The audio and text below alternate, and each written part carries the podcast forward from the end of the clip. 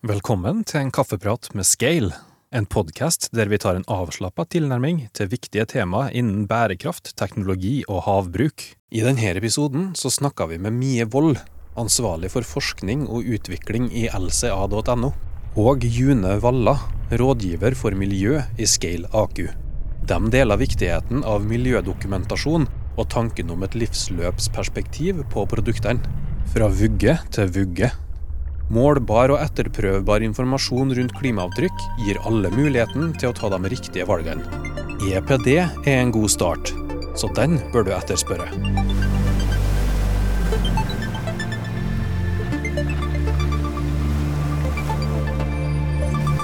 Og velkommen til en kaffeprat med Scale. Mitt navn er Jerome Siesa, og i studio i dag med min gode kollega Hanne Digre. Hei, Hanne! Hei, hei. Ja, i dag så har vi med oss to fine gjester. Eh, Vi har med Mie Wold, som eh, har ansvar for forskning og utvikling i lca.no. Hei, Mie. Hei, Mie. Og så har vi med en god kollega, June Valla, rådgiver miljø i Scale, og er også leder for arbeidspakken som jobber med miljødokumentasjon i det her Grønn plattform-prosjektet, som vi har nevnt mange ganger. Det har vi, og kanskje vi kommer innom det òg. Hei! Hallo, hallo, Tompage her. Så Sirkaku Cirka AQ, plattform, eh, grønn plattform, miljødokumentasjon er det som er tema i dag. Yes, det er det. Ja, jeg tenkte jeg skulle utfordre kanskje Mie litt først, i forhold til For det er veldig mye sånn kort, kortnavn innenfor det her med miljødokumentasjon. Mie, Eh, kan du forklare litt rundt hva er det vi snakker om? Vi kan starte med hvor jeg kommer fra, da, for jeg kommer fra noe som heter lca.no, og det er egentlig bakgrunnen for alt det vi skal snakke om i dag. Det er den nei, metodikken som kalles LCA, som egentlig betyr Life Cycle Assessments, men er allmenn kjent som LCA.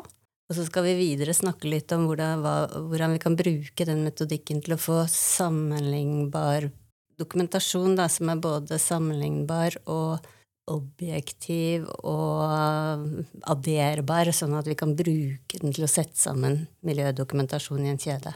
Da skal vi komme til neste trebokstavsforkortelser, for det er jo trebokstavsforkortelser overalt. Det er vel de du tenker på, Anne? Ja, det er det. Først og fremst så kan vi snakke om EPD, som er da Environmental Product Declarations. Ja. Det hele begynte vel med at folk begynte å gjøre disse livsløpsanalysene, LCA-ene. Den metodikken er ISO-standardisert, men den er litt sånn vid. Litt flåste, pleier jeg å si, at den sier du kan gjøre som du vil, bare du sier hva du gjør. Og så valgte folk skulle følge verdikjeden til et produkt. Det er det Life Cycle Assessment går på, da, at du skal følge fra da jeg begynte med dette her i forrige årtusen, så het det fra vugge til grav-analyse. Nå sier vi fra vugge til gjenfødelse, eller til reinkarnasjon, syns jeg er veldig fint å si. da. Så du skal liksom få det til å få et nytt liv. Litt buddhistisk tilnærming til Ja, litt grann buddhistisk tilnærming syns jeg vi kan ta og koste på oss. Denne LCA-en, den uh, sier jo litt om at du må skrive da i den ISO-standarden, så står det at du må skrive hvor du setter systemgrenser, og med det mener vi hva er det du tar med, hva er det du ikke tar med, hvordan skal du håndtere ting gjennom hele livsløpet til dette produktet, da fra du tar ut råvarene til det potensielt blir noe nytt. Og dette her gjorde folk på litt forskjellige måter, så ble det ikke så sammenlignbart. Mm. Og så fant de ut at de måtte lage en ny standard som skulle brukes for det som skulle sammenlignes litt. Og da begynte de med den EPD-en, da. Og der setter de mye større begrensninger på hvordan du kan sette det regelverket, og hvor du kan, hva må du ta med, hva må du ikke ta med, osv. Mm. Allikevel var det ikke stramt nok, fordi du kunne ikke ha helt det samme eh, regelverket om du skulle siden jeg sitter med kaffe her, da, og ingen ser den, så løfter jeg opp den, og så sier jeg om du skulle lage en EPD for den kaffekoppen eller et av deres uh, anlegg, kan du ikke ha helt de samme reglene. Og da måtte du stramme det inn enda litt mer. Så da ble det liksom begynt å bli ganske nært, da, veldig begrensa regler. Og det kalles for PCR, altså produktkategoriregler. Product Category Requirements. Men mye hvis en skal forenkle forenkle det litt, eller veldig, da, så handler en EPD om å beregne et klimautslipp på den konkrete, om det er en tjeneste eller et produkt. Er det riktig forstått? Ikke bare klima, men det er egentlig ganske breit miljøfotavtrykk, så det er mange mange flere ting enn klima som er inne i bildet, men akkurat nå er det klima som er i vinden. Mm. Så ja, du kan si at du beregner et klimafotavtrykk, og da kan du gjøre det på den eh, kragen, eller du kan ta det på fòr eh, Glemmer jeg hva det heter, alle disse uh, tingene? Fòrslangen? Fòrslangen. Jeg hørte at fòrrøret var feil. Nei, men altså at du kan ta på hver enkelt del, og så, som jeg sa, så er det også adderbart. Så i utgangspunktet så kan da de som lager fòrslangen, de kan lage EPD-en på sin slange i per meter eller et eller annet.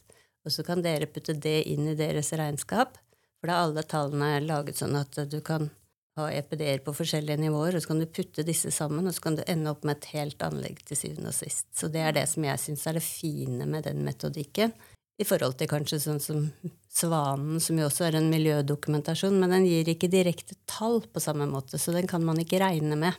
Den kan være veldig fin for deg og meg hvis vi skal gå ut i butikken og finne ut hva vi skal kjøpe, men disse EPD-ene gir mer konkrete tall på hva hvert ledd bidrar med, og så kan vi regne det sammen omtrent som et vanlig regnskap på økonomi. Det er bare det at her står det CO2 eller ressursbruk eller andre miljøpåvirkninger, som vi kaller det. da. Mm.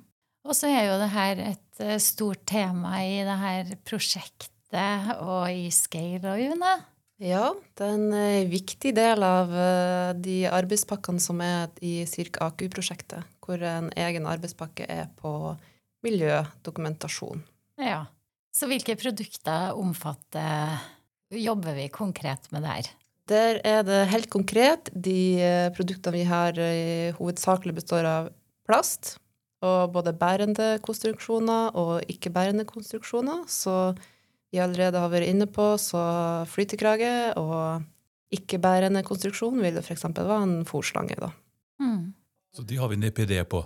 Bare for å prøve å lære nå. Mm. Har vi, vi har uh, publisert en EPD på ja. flytekrage. Ja. Som den første i næringa, så den ja. var vi jo Kult.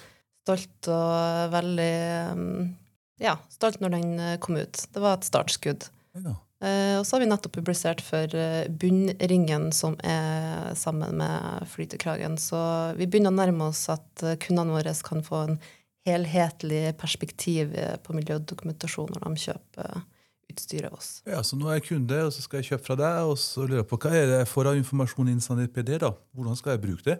Ja, Som uh, Mie sier, så er det ganske mye informasjon. Det er jo et teknisk uh, dokument, men uh, slik vi ser det brukes i dag, kanskje både av oss og kundene, er det CO2-avtrykket som produktet genererer fra råstoff til avhending, som kommer fram i en sånn her EPD. Til og med re reinkarnasjon, da. Så fra råstoff til reinkarnasjon. Ok.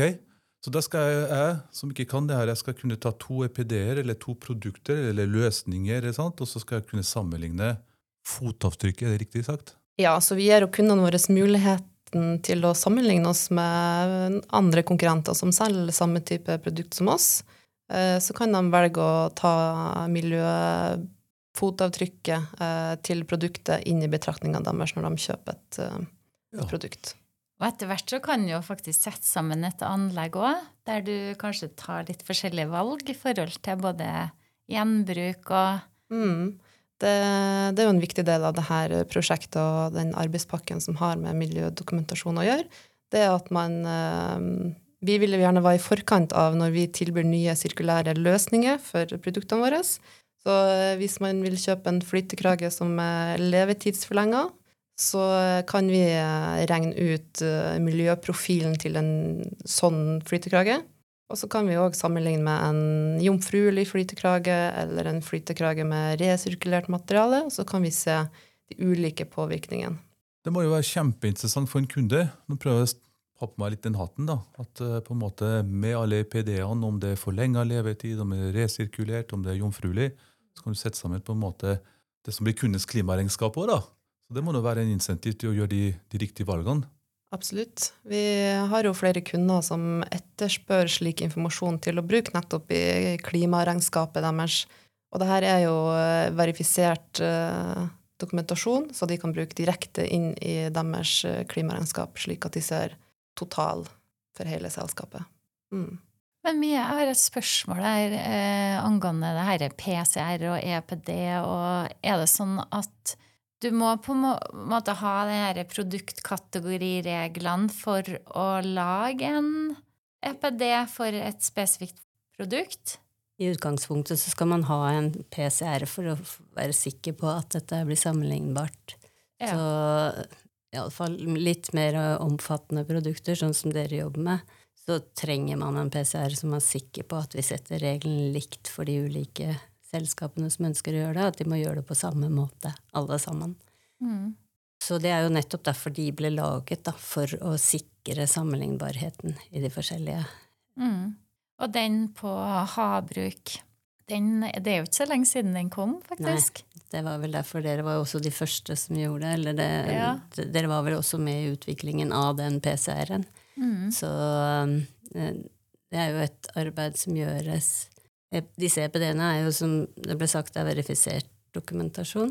Og det er også, de publiseres. Så vi har et eh, sånt organ i hvert, nesten hvert land, eller på visse områder iallfall, som tar ansvar for å lage regelverkene, og som også tar ansvar for å publisere det. Og i Norge heter de EPD Norge. Og der de har da kalt inn, sammen med Sjømat Norge, til en gruppe som har laget dette regelverket rundt alt som har med infrastrukturen rundt eh, fiskeoppdrett, da.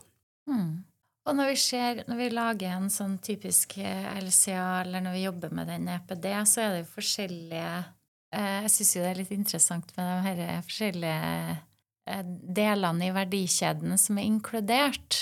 Mm. Eh, noen av dere som har lyst til å fortelle litt om det? Ja. Kan du begynne?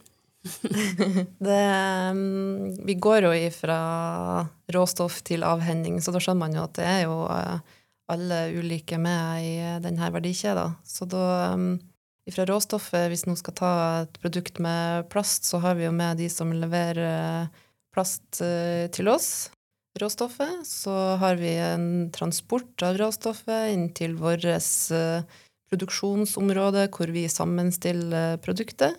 Videre derifra så skal det ut til kunde. Så har vi en bruksfase. Og fra bruksfasen så skal det demonteres, og det skal transporteres til avhending, og riktig avhendingsmetode skal gjøres, og sortering. Så eh, her er vi fra råstoffleverandør til eh, avhendingsselskap og alle som er imellom der. Mm. Mm. Men så gir jo også disse analysene et bilde da, på hvor er det de store belastningene er hen, så man kan gå inn og se på at ok, det er kanskje den transporten og den flytekragen tilbake igjen til et eller annet resirkulering, den er veldig tøff. Så kan man kanskje se på kan vi gjøre noe mer på stedet, så vi får mer effektiv transport, som kan gjøre at den toppen blir litt mindre. Og på den måten kan man i tillegg ikke bare som en kunde som skal ønske å få et regnskap for sitt anlegg, men også for dere som produsenter, så vil det gi et bilde på hvor er det egentlig vi bør legge ressursene for å forbedre produktet. Kan vi bruke ting på nytt igjen, eller kan vi gjøre noe med materialene sånn at de oppstår igjen i et annet liv, da? Ja. For det du er inne på nå, Mie, er jo kanskje det viktigste med hele dokumentasjonen. Å analysere hvor er det egentlig vi bør gjøre endringer for å ja, få ned miljø- og klimaavtrykket, da. Mm. Ja, det gir oss jo en uh, veldig verdifull innsikt i produktene våre på et uh, nytt nivå enn før, da, hvor vi faktisk kan uh, gå inn og analysere hvor skal vi sette inn støtet for å redusere miljøfotavtrykket vårt, Mm. som vi vil føre til at kundene reduserer deres. Mm. Veldig bra. Nå syns jeg å høre, uten å kunne det her, at vi på en måte har nevnt flere ganger det med klimaregnskap, og, og June Scale sitt klimaregnskap er eh, en del av noe jeg vet vi jobber aktivt og godt med. Kan du fortelle litt eh, rundt det, og hvordan vi kan bruke den metodikken, blant annet? Ja. Du får se, få Mm. opp et, eh, et eget regnskap. Ja, vi har jo i eh, flere år nå egentlig hatt et klimaregnskap for eh, Scale. Og i året intet eh, unntak, hvor vi nå med sånn ny type input da, som EPD vil være, vil være informasjon vi kan bruke direkte inn i vårt eh, klimaregnskap. Eh, og et klimaregnskap, hvis jeg skal ta det veldig fort, består av tre ulike scope. Da har vi scope 1, som er mm, direkte utslipp, f.eks. biler vi bruker i produksjon, og drivstoffet vi har der. Scope 2 er strømforbruk. Eget. Og, ja, i produksjon. Og, og Scope 3 er jo en samlekategori av andre indirekte utslipp. Eh, I Scale så har vi, som en utstyrsleverandør, så har vi et eh, høyt eh, utslipp på det som kalles for kategori varekjøp. Vi kjøper mye råvarer for å bruke inn i vår produksjon, hvor vi har Største delen av vårt klimaregnskap er utslipp av råvarer fra plast, stål og betong.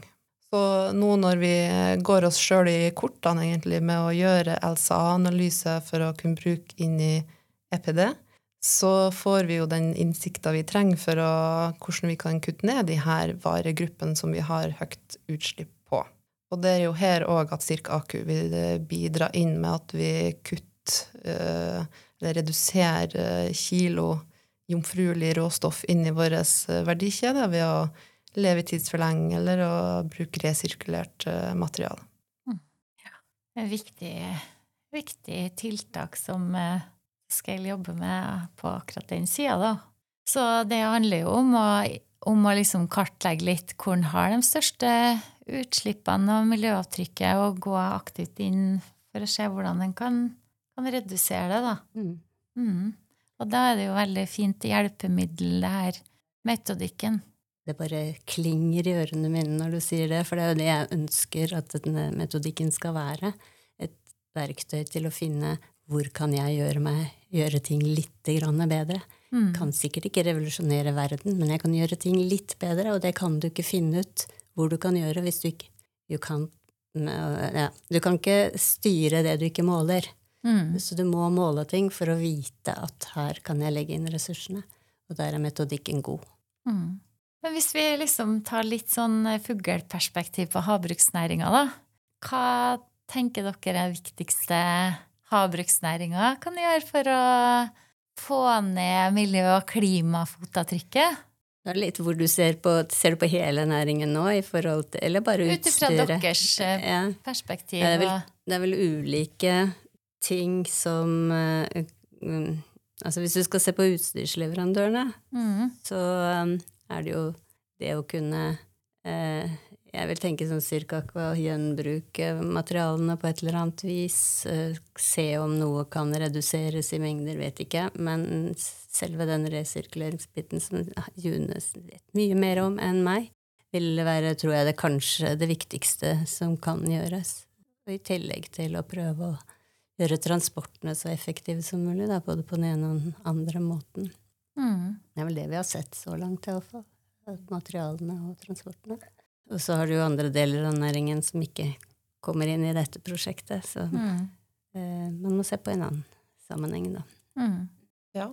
Det er jo eh, som det her prosjektet begynner jo å nøste opp i Vi skal jo gå mot en verden som er klimanøytral, og det her er jo en viktig del av det å klare å nå det målet. Mm. Vi eh, ser jo på nye løsninger og hvordan vi skal forlenge råstoffene, og hvordan vi skal holde dem i en sirkulær eh, verdikjede som vil ikke bare påvirke denne næringa, men kunne, kunne, påvirke andre næringer. Mm. Så om dere ikke kan bruke det på nytt eller lenger selv, at dere iallfall sikrer at det er designet på en måte så det er lett å ta fra hverandre for å kunne bruke ressursene på nytt igjen, da. Det å, å designe ting så det er lett å ta det fra hverandre, og istedenfor å måtte kaste det fordi det ikke er mulig å få det fra hverandre. Akkurat jeg hørte noen som sa de skulle prøve å ta vare på batteriet fra en sparkesykkel. Mm. Og de måtte jo stå med hammer og slegge for å knuse sykkelen for å få ut batteriet. liksom. Det, så, så, sånne mm. type design må man prøve å unngå, da. Mm. Det tror jeg kanskje er noe av det viktigste man kan gjøre, å designe for gjenbruk og resirkulering. Mm, veldig enig. Ja, for hvis du ikke har gjort det i designfasen, så har du jo på en måte løpet litt kjørt. Helt fra starten av. I Grønn plattform-prosjektivene så er det jo Vi har jo liksom allerede begynt å jobbe masse med miljødokumentasjon, kanskje før løsningene er ferdig. Ja, og det er jo noe som vi ser på som en viktig del av denne eh, arbeidspakken på miljødokumentasjon. At vi er litt i forkant før vi setter ut et uh, produkt. Da. Uh, at vi ser at den nye sirkulære løsninga er det riktige. Både med tanke på bruken av ressursen og med tanke på utslippet. Kanskje den nye sirkulære løsninga genererer mer utslipp uh, enn en annen løsning. Da er det viktig å se at det vi velger for å produsere, og det vi selger til kundene våre, er det riktige da, i det sirkulære perspektivet. Og bruke det som beslutningsstøtte i, i valgene fremover. Mm, mm. slett. Så du kommer bare til å sende ut bedre produkter, du? ja. Det er tøft, det. Fin, uh, fin side å sitte på, da. Ja, ja men det er bra. Da får du iallfall Eh, hvis du ser at eh, ok, vi har gjort noe med denne plasten nå, denne gjør at dette produktet er mye lavere i selve produksjonen. Og så har du også i tillegg kunnet sjekke på forhånd da, at det gjorde ikke noe i forhold til at jeg måtte plutselig begynne å kjøpe den plasten fra et annet sted, for det var en annen type plast eller et annet type produkt. For det er det ofte det som er litt At man tenker én løsning, og så glemmer man at det kanskje har en effekt et annet sted i verdikjeden. Og det er jo da sånne ting som UNE har sett på allerede, at dette her får vi til å bli et totalregnskap som er bedre, ikke bare på ett ledd i verdikjeden. Det høres veldig elegant ut, det må jeg få lov å si. Når du klarer å sette sammen de Duplo-klossene og ta bort litt transport, legge til litt plast sette, Lage en ny oppskrift, da. Mm. Og Så måler du litt, og så ser du om det har blitt bedre eller dårligere, så kan du justere. Og det du tilbyr da etterpå, er enda forhåpentligvis noe bedre. Kult. Andre næringer mye Nå er nysgjerrig på det. Er, det. er, vi veldig unike i havbruksnæringa? Selvfølgelig er dere unike. Dere jobber jo ute i havet og har helt spesielle produkter. Helt klart. Men sånn LCA-messig og metodisk så er dere ikke så veldig annerledes enn å bygge et hus eller eh, hvilket som helst annen konstruksjon. Det er eh, Metodikken der liksom hjelper til å få Du henter inn råvarer, du transporterer du setter det sammen, og du får et produkt og videre til en konstruksjon av en eller annen grad. Så om jeg har jobbet Jeg, jeg har gjort LCA et vannkraftverk, f.eks. Det er ikke så veldig mye annerledes, bortsett fra at det er ikke plast i den grad. Betong er det begge steder. Eh, stein er det sikkert også i begge steder, inni betongen iallfall. Og det, det, det, er mye som er likt, men det er selvfølgelig ting som, med produktene er jo helt unike fordi de skal tåle å være i vannet, de skal gjøre en funksjon i forhold til fisken som er oppi der, og sånne ting. Det har du ikke. Og et hus skal holde meg varm når jeg fryser. Men utover det så Metodisk er det relativt likt, altså. Nå, har vi tatt et, eh, et, et stort steg, tør jeg påstå. Eh, med å, ikke bare sette fokus, faktisk gjøre noe med sirkularitet, forlenga levetid. Vi snakka litt sånn, syns jeg har hørt litt om design, økodesign, type ting. Så regner vi på disse tingene, setter sammen, eh, tilbyr et beslutningsgrunnlag til våre kunder. Har du et råd til oss, eller til lytterne og våre kunder? Hva er det vi kan gjøre mer av, mindre av? Hvordan skal vi i større grad ta de opplyste beslutningene?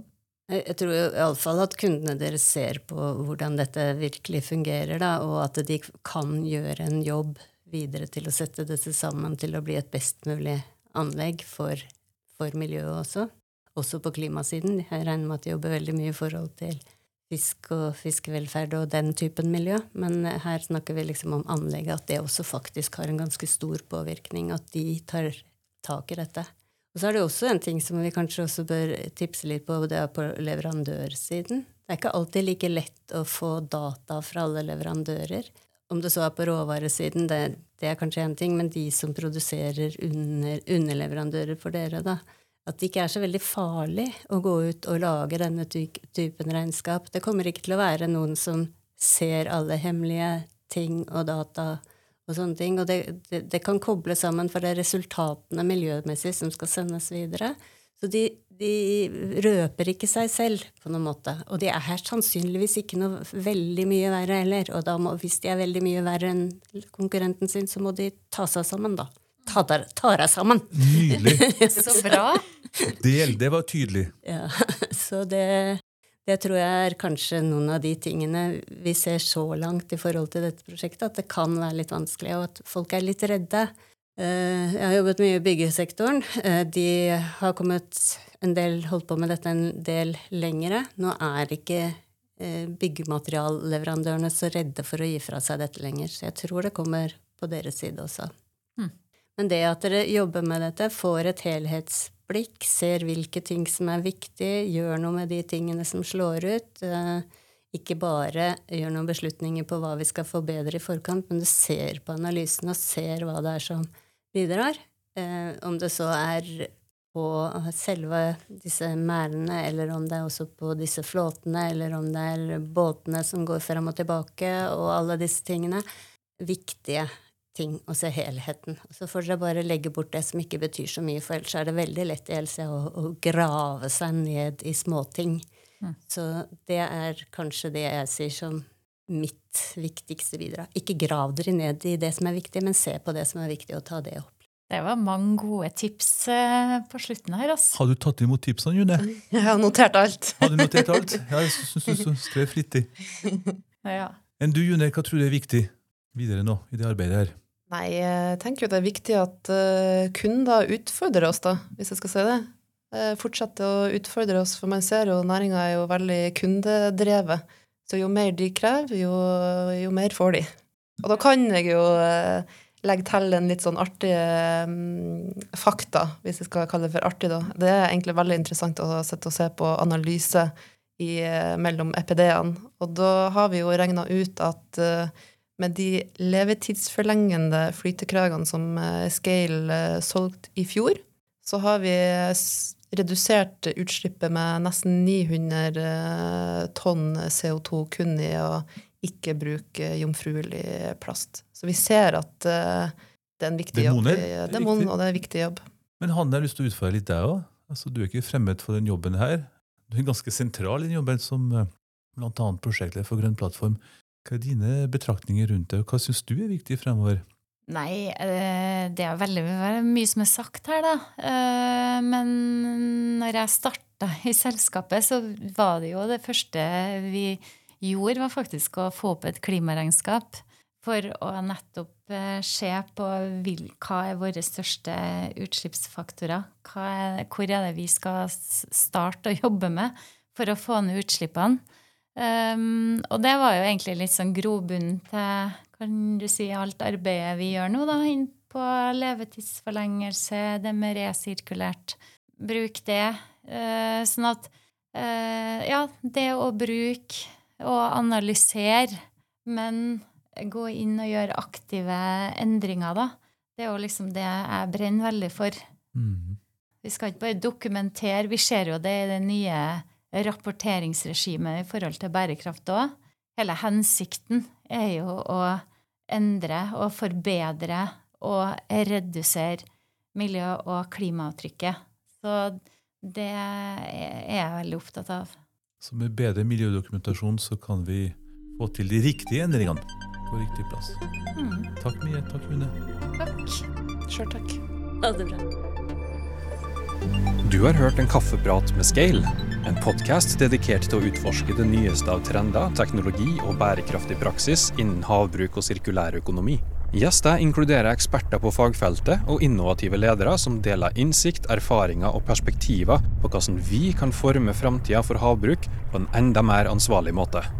Podkasten produseres i samarbeid med Sonic og Next Hero.